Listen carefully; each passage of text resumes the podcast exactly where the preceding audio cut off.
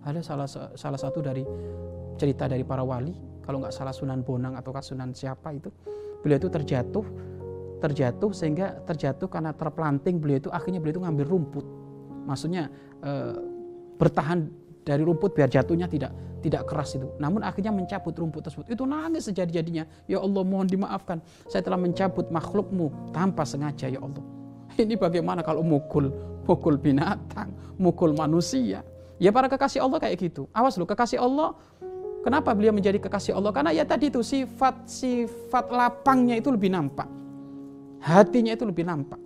Makanya jangan sampai tangan kita melakukan maksiat, melukai orang, menyakiti orang. Karena itu, itu juga termasuk dosa besar. Pendoliman juga gara-gara sebabnya adalah dengan tangan. Ini haram tu zulma. Allah dalam hadis kursi menyebutkan aku mengharamkan pendoliman. Allah tidak akan mendolim kepada hambanya sedikit pun. Maka kita jangan dolim.